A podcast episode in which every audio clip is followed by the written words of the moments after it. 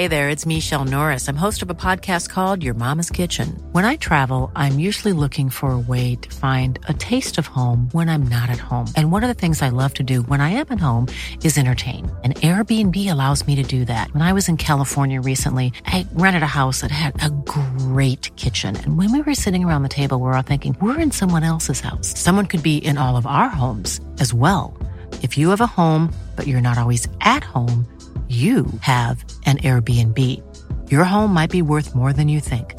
Find out how much at airbnb.com/slash host. Prescription products require completion of an online medication consultation with an independent healthcare provider through the LifeMD platform and are only available if prescribed. Subscription required. Individual results may vary. Additional restrictions apply. Read all warnings before using GLP-1s. Side effects may include a risk of thyroid C-cell tumors. Do not use GLP-1s if you or your family have a history of thyroid cancer. If you've struggled for years to lose weight and have given up hope, did you know you can now access GLP 1 prescription medications at trylifemd.com? We're now offering eligible patients online access to GLP 1s, the breakthrough prescription medication that can help you lose body fat and weight. Listen to what people are saying. It's fun to put on jeans that you couldn't get into six months ago. Every morning, I look forward to getting on the scale. For anybody who's struggling with their weight, it's a godsend. And here's the best part your insurance may cover 100% of the cost of your medication. So go to trylifemd.com to have your eligibility checked right now. Get started today at trylifemd.com. That's T R Y L I F E M D.com.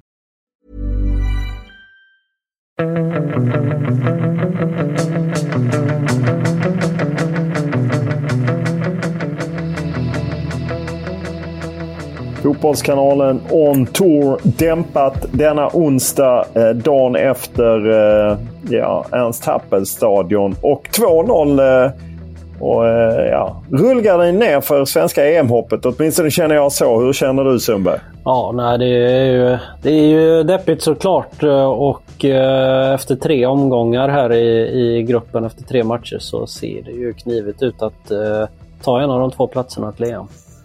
Ja, det är ju inbördesmöten som gäller. Vad kände du Martin när du följde dramatiken? Uh, nej, att det var väl uh, de här första 20, 25, 30 minuterna såg lite småmysiga ut men uh, sen är det inget snack. Liksom. Det är ju det är ju en klar förlust och eh, nu måste, måste Sverige vinna resten av eh, matcherna och inte ens det kanske räcker. Eller, Nej, ja. framförallt måste man ju vinna med mer än 2-0 mot Österrike för att vända på inbördes möten. Mm. Eh, det är ju, bara det är ju svårt nog som gör att det är... Jag var ja, nu står det gärna... till att Belgien, Belgien floppar nästan eller? Alltså att eh, de på något vis. Eh. Ja, jag tror fortfarande att Öster... Ja, jag tror inte på att Sverige når e- EM. Och lite som jag kände är ju att Sverige är inte bra nog för att åka till EM. Alltså för många av ersättarna som kommer in, de håller ju inte i den här nivån. Och vems ansvar det är? Janne Andersson får mycket stryk men jag tycker också lite att spelarna har ett ansvar. Du var ju på presskonferensen med Janne Andersson i, igår kväll, eh, Sundberg. Vad, eh, vad var hans eh, dragning av det hela? Nej, men han tycker ju att, eh, de ändå, att det var en ganska väntad match, tycker han. Han tycker också att Sverige gör det, gör det ganska bra, speciellt första halvlek tycker han när de eh, eh skapade några chanser. Att de då Österrike tog, tog över i slutet typ innan halvtid precis. Då, men, och i andra halvlek så tycker han att matchen lever.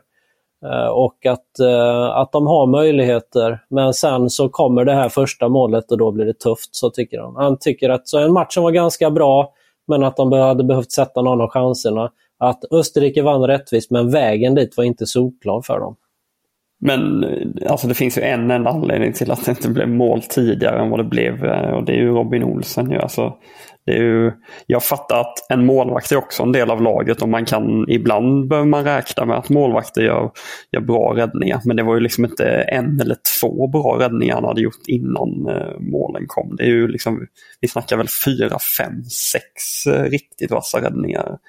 Alltså, han höll ju, ja. höll ju dem i matchen och höll nere siffrorna. Så ska det sägas att målvakten i Österrike, Schlager, gjorde ju en man kan säga att han träffas lite av Victor Nilsson Lindelöfs nick men han gör en bra räddning. Han gör en bra räddning också på eh, Emil Forsbergs eh, frispark. Kulusevski har något avslut som är bra också men det är ju så.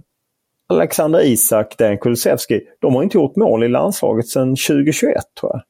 Alltså det, och, och, jag tyckte det var intressant när jag pratade med Albin Ekdal när han sa att ja, vi kommer in i den här samlingen, vi har inte det bästa självförtroendet.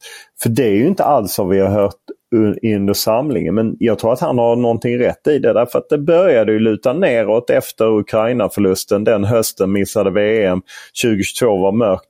Och den svackan är man inte uppe i. Och sen är frågan mer, vem ser ansvaret? Är det bara Jan Andersson? Är det att han har för dåligt spelarmaterial eller är det en kombination? Jag tycker det är svårt att veta men jag tycker det är synd att han inte har satsat på Jens just tidigare. Jag känner att det är en spelare som borde ha fått speltid snarare än Jesper Karlström, kan jag känna. Ja, jag håller helt med, men det är ju, det är ju någonting där som... Alltså, jag minns under pandemi-EM där Peter Wettergren kändes ju helt lyrisk över Jens just och det verkade inte vara någon som helst tvekan om att det är en spelare de vill satsa på. Men det är ju, det är ju någonting där som har gjort att de uh, inte litar på honom. Jag, visst, han har varit skadeförföljd liksom, men det är, liksom, det är synd att man inte kan få till någon form av kontinuitet med, med någon eh, liksom bättre central mittfältare. För det, ja. ja. Ja, jag tycker lite synd om Janne måste jag säga också. Jag är lite inne på samma som dig. Olof, om man ser till materialet han har så är det inte... Det är svårt att trolla liksom. Han har eh, den tredje högerbacken var Linus Wahlqvist som inte imponerar jättemycket. Fjärde, ja, fjärde till och med. Som inte imponerar jättemycket eh, för inte så länge sedan när han var IFK Norrköping. När han har Martin Olsson till vänster som inte spelar i, i Malmö FF. Eh, Isak Hien där som inte riktigt håller på nivå. Vi kan fortsätta liksom så här. Men sen så tycker jag samtidigt att eh, det är skillnad på att vara förbundskapten och vara tränare för Eh, jag har tyckt lite samma med eh, Andreas Brännström och Marti Cifuentes till exempel. För att de inte riktigt har material heller och jag tycker att de är värda tid, ett transferfönster sommaren här och sen så ger de chansen med bättre material. Tyvärr funkar inte det riktigt på samma sätt eh, som en förbundskapten. Det är ju det han har här och nu och, och det funkar ju inte. De, de tog sig inte till VM.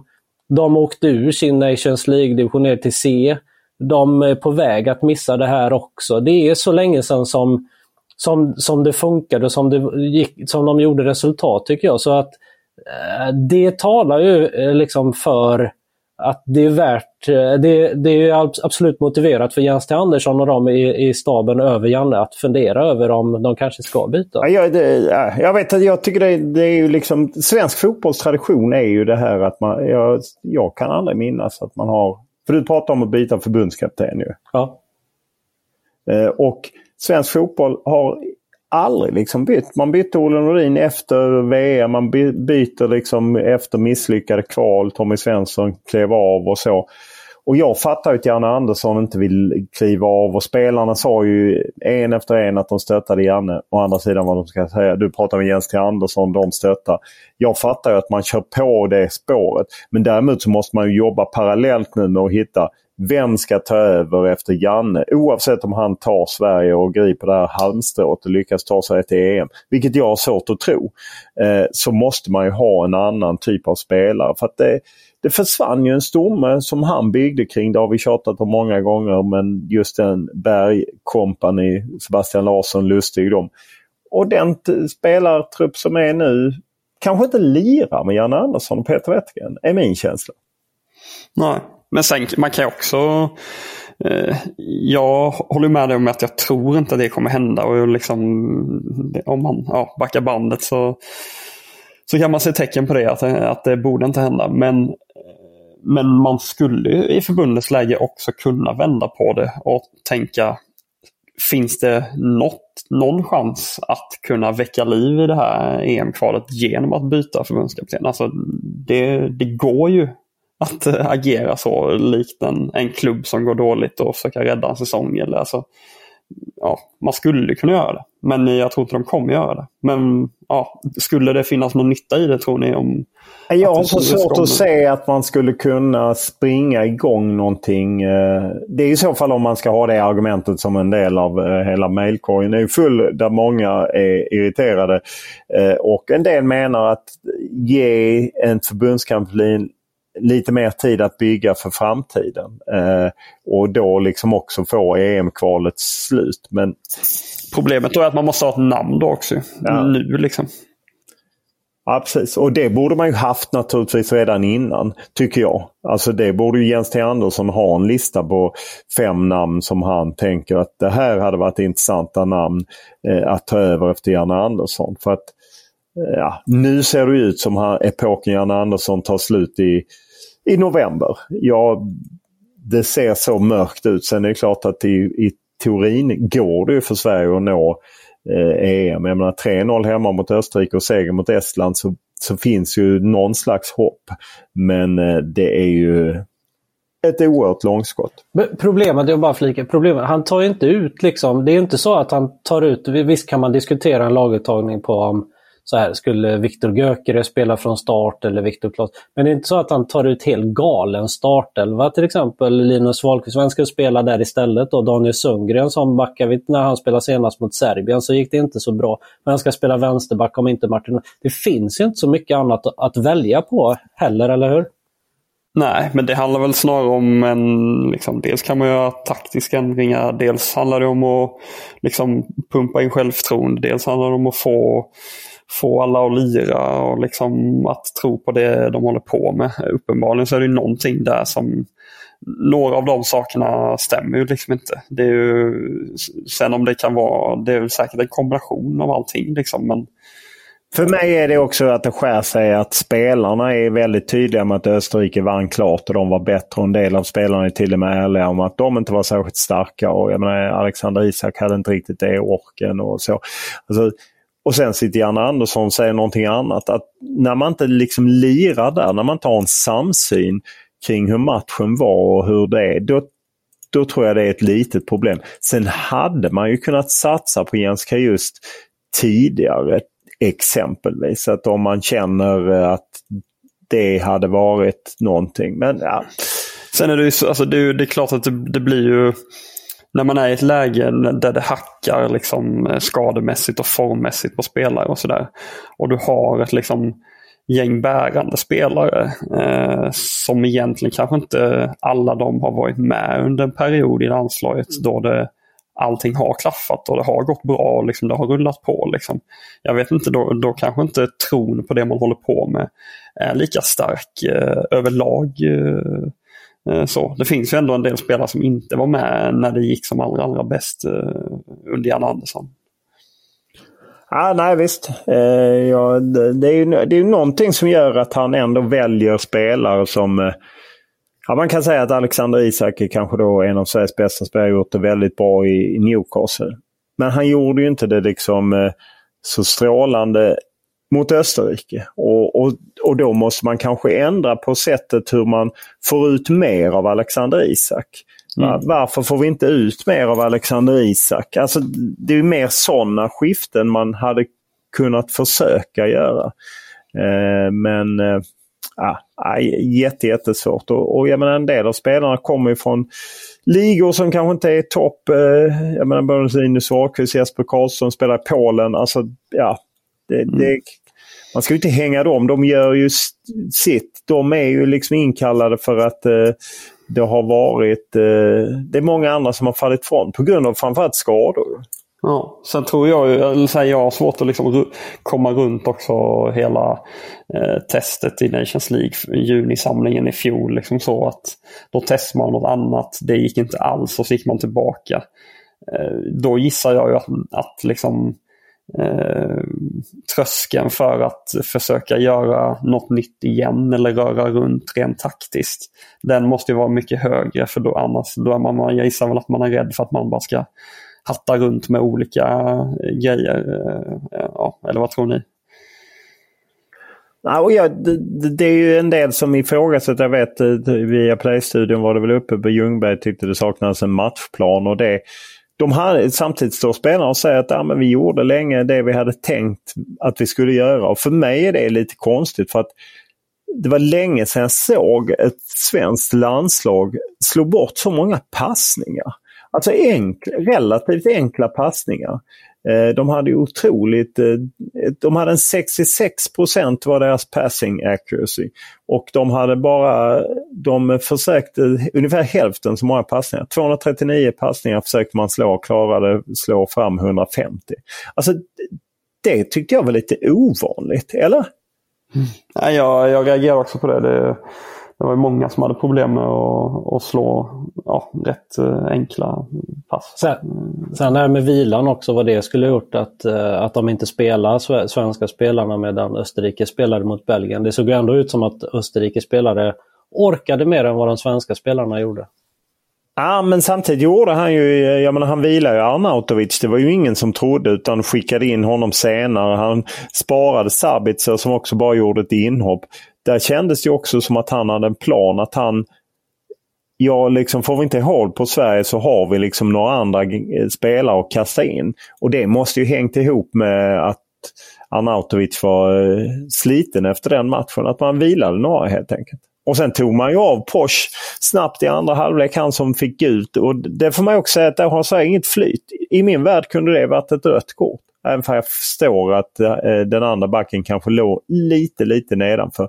Så kan jag tycka att det är ett rött kort. För han hade varit fri om han hade inte blivit neddragen. En annan sak som är ganska intressant tycker jag är som det är en Pontus som har mejlat oss eh, om det här. Att de spelar 4-4-2 men ingen av spelarna eh, gör ju det i sina klubblag i stort sett. Vad tycker ni om det? Ja, det är ju en vanlig invändning att de inte gör det. Samtidigt är ju många på något sätt ändå uppvuxna i 4-4-2 och eh, det var väl ändå så att när Jan Anderssons landslag gick bra så bestod ju det också av spelare som inte bara spelade 4-4-2. Några gjorde säkert det men det gjorde ju inte alla. Eh, när de spelade i Toulouse och i Abu Dhabi eller var eh, Berg spelade. Alltså, så att det är väl mer att, att han, det som många har sagt, att han tappade en del spelare som stod för den fotboll som Janne Andersson står för. Jag bara känner att han, han och Peter Wettergren går lite i otakt med delar av eh, truppen. Eh, kan jag känna. Ja, jag tycker fortfarande det är lite synd, nu det blir upprepning från tidigare samlingar, men jag kan ju fortfarande tycka det är lite synd att man inte testade liksom 4-2-3-1 eh, mer det sättet med liksom två rena sittande mittfältare. Det var ju snarare då en offensivt riktad triangel man hade när man testade tre centrala mittfältare. Det, det, jag ser snarare en, en, en väg framåt med ett sådant system än, än, än det man testade. Liksom. Ja, ett med som vi har fått också alla tre Joakim som tycker just den här svenska matchplanen att vi liksom Österrike nästan fick göra fram vad de ville utan någon vidare press liksom innan de tog ledningen. Först då skruvade Sverige upp. Delvis håller jag med Joakim, men inte helt. För att det var en period eh, då när Sverige skapade det friläget med Isak som blev nerriven. Det som gav en hörna eh, där eh, Vigge nickade och Schlager räddade det var en period när Sverige faktiskt klev några gånger, vann bollar och, och, och pressade dem lite. Sen kändes det som att Sverige kom av sig. Om det var värmen eller något sånt. Den enda jag hörde som eh, tyckte att beklagade sig över värmen var Emil Forsberg. Men eh, eh, jag vet, det kändes som att det inte var bestämt att de skulle backa helt. Men även där var de inte riktigt synkade för ibland var det ju Dejan Kulusevski som klev fram och försökte vinka med sig de andra.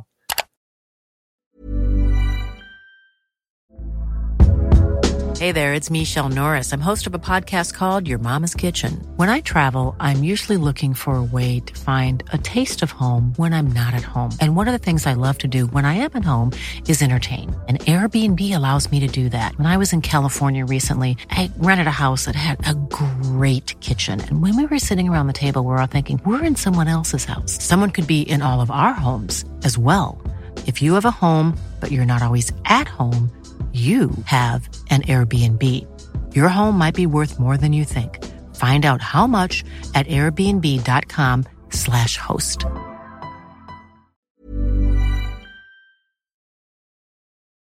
Hur var den generella stämningen efteråt? Jag fattar ju att alla var liksom var ledsna och sådär. Men var det helt uppgivet kring hela EM-kvalet eller vad, hur skulle ni beskriva ah, det? Det var ju väldigt låg stämning. Den som var mest knäckt var ju Robin Olsen. Eh, han kunde nästan inte säga någonting. Eh, känns nästan som... Eh, nej, han var väldigt, väldigt ledsen. Eh, sett till liksom, och det förstår man ju sett till den match han gjorde. Eh, de andra sa väl liksom då, det man ska säga att vi kan inte ge upp och det finns chanser men vi var inte bra ikväll och så. Men det är bara att komma igen och vi måste göra mål. Det han pratade mycket om där. Att de inte gör mål och det, då blir de straffade. De måste lära sig göra snabba mål. Dejan Emil Forsberg pratade om det här om att vila med bollen, att man tappade boll för mycket och att man inte riktigt... Det kändes som att de inte riktigt att de var bestämda vad de ville göra. Eh, när de hade boll ibland och de satte sig i lite svåra situationer. Och, eh, så att, eh, men det är klart att det var otroligt. Victor Nilsson Lindlöf kom inte överhuvudtaget. Eh, jag lämnade över intervjumikrofonen då till dig Sundberg och du bärde inte hem den intervjun med lagkaptenen. Nej, det var ju deppigt. Måste Nej men han, han var i dopingkontroll och sen så nej, ville han inte komma för det fanns inte så mycket tid utan de skulle flyga hem där på på natten så att han skulle sticka raka vägen till flyget efter dopingkontrollen. Så vi, vi fick inte honom, men vi fick ställa frågor. Fick skriva frågor i vår lilla chattgrupp som vi har på WhatsApp.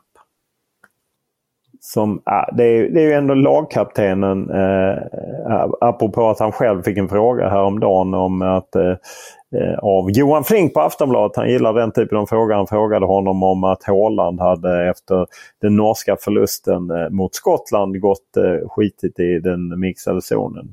Och ja, det gjorde ju uppenbarligen. Det, tyckte inte, det hade han inga åsikter om då men nu gled han själv. Annars så kom ju de flesta kom och ja, men stannade och pratade och men jävligt besviket var det naturligtvis. Sen är det klart att eh, de, de ska på semester och så tänker de att det är, de, eh, det är omstart i, i september. Det var väldigt tydligt att alla liksom stöttade eh, Janne. Både Albin Ekdal och Emil Forsberg som, var, som är vicekaptener var väldigt tydliga med det. Och även Dejan Kulusevski och, och en del andra. Eh, backade Jan Andersson och backade liksom den idé de har och, och så. Sjukt att han inte tog, jag bara säga, rött kort på Isak-neddragningen i första. Eller? Ja, ja den, den, den, håller jag med om att den är otroligt konstig. Italiensk domare. Nej, det var inte bra. Janne var ju... Han var... Jag såg via Play-studion när han var där. Då var han mer då var det närmare matchen, då var det lite mer puls på honom. Han hade lugnat sig när han kom till oss tycker jag. Och sådär. Jag tyckte att han... Eh, han är väldigt besviken såklart. Eh, det, det syns ju.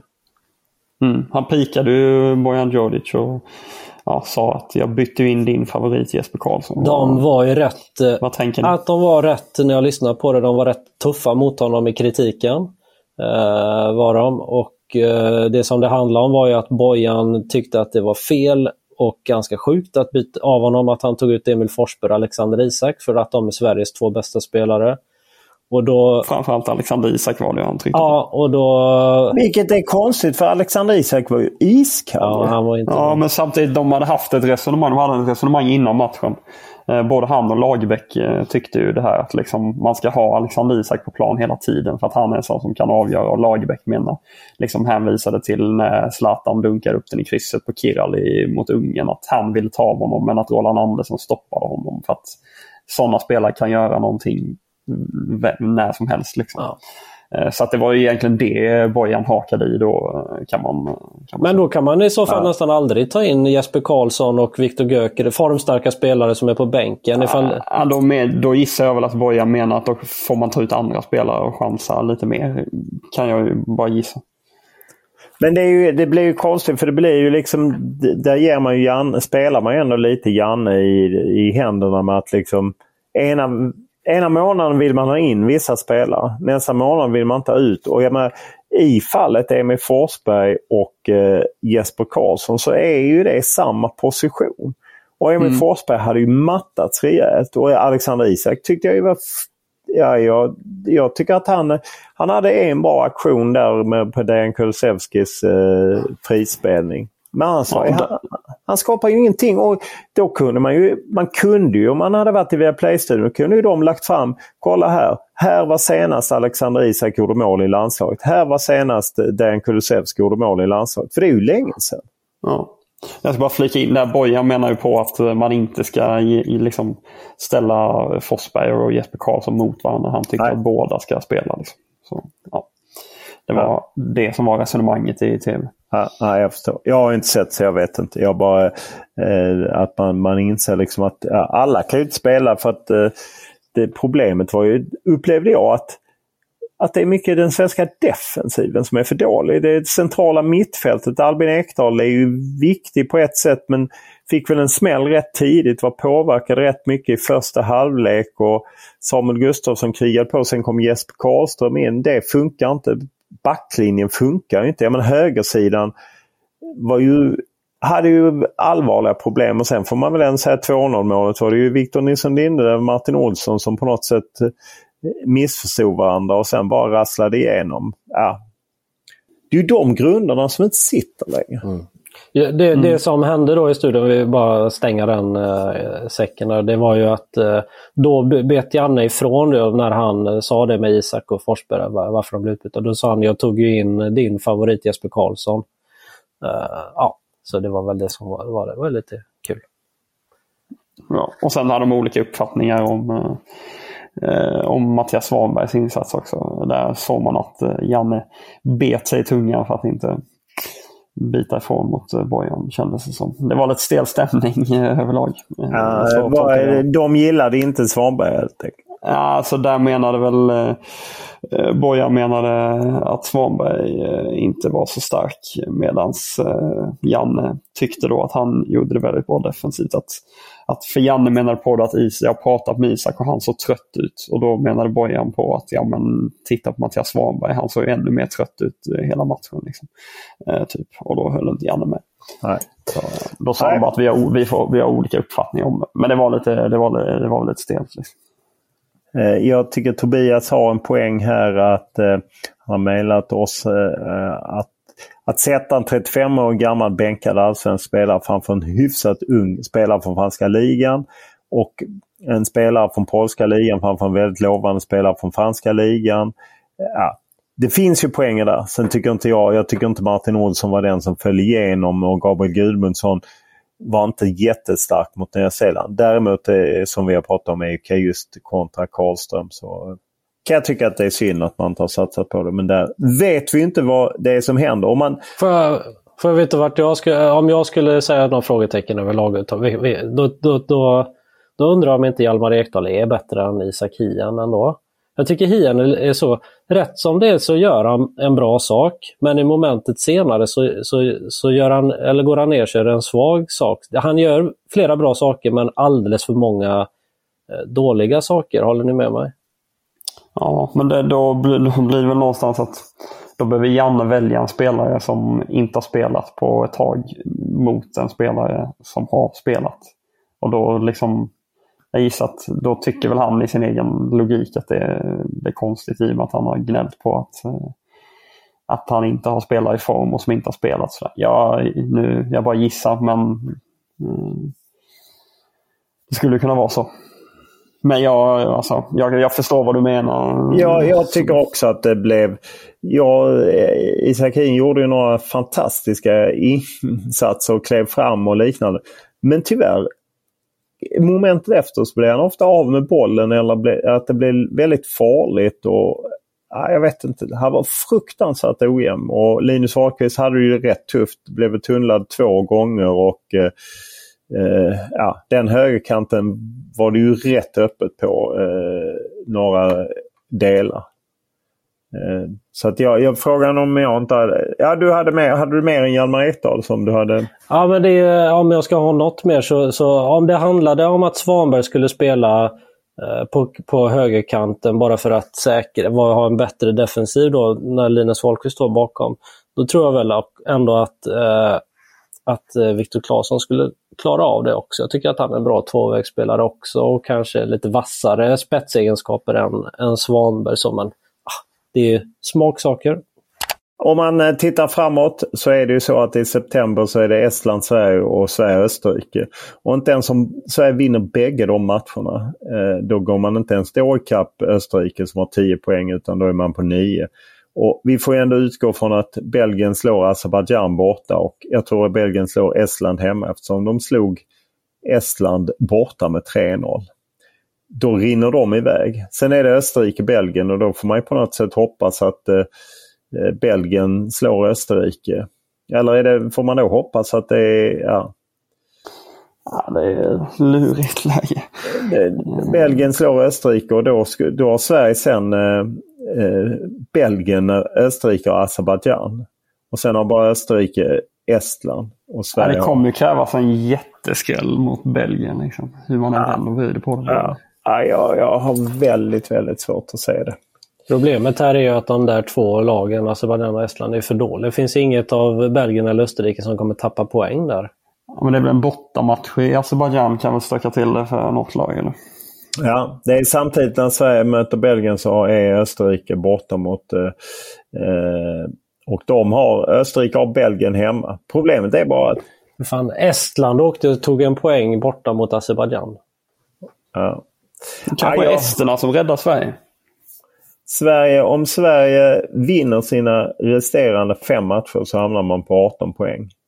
Eh, och Österrike då förlorar de mot Sverige och de lär slå Azerbajdzjan. Ja, det hänger på. Då kan man ju gå om eh, om man slår Belgien och eh, Belgien då kan till och med Belgien kryssa mot Österrike.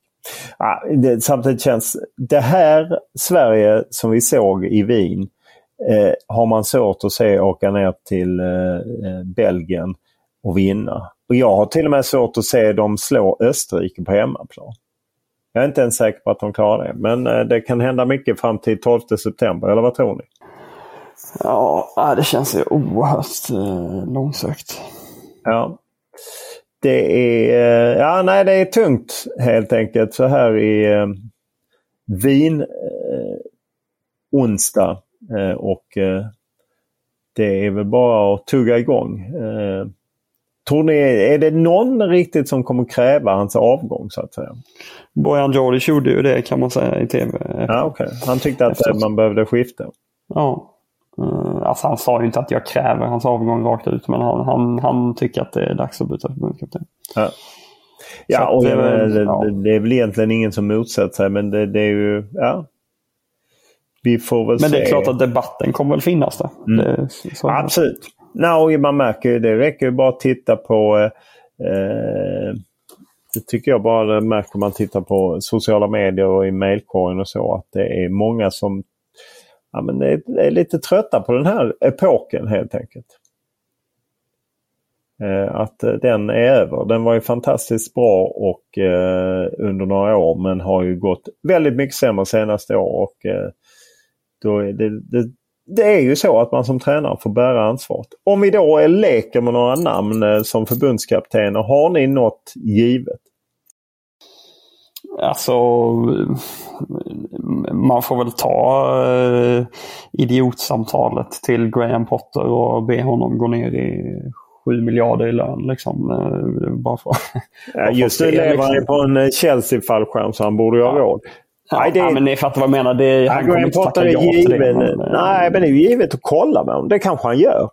Eh, och sen eh, tycker jag att det, sen finns det ju några... Henrik Rydström känns ju för tidigt. Då är det väl i så fall eh, Thomas Lagerlöf och Kim Bergstrand. Även om de kanske lite svajat nu. Jens Gustafsson i Polen. Men det finns inget supernamn. Eh, det kan jag inte uppleva. Jag vet inte om... Uh... Ståhle då, ifall han går dåligt i Norge. Ja, men nu vann de. Vann de nu? Ja. Nu... Kasper Hjulman. Nu... Kasper Hjulman går ju däremot betydligt eh, sämre.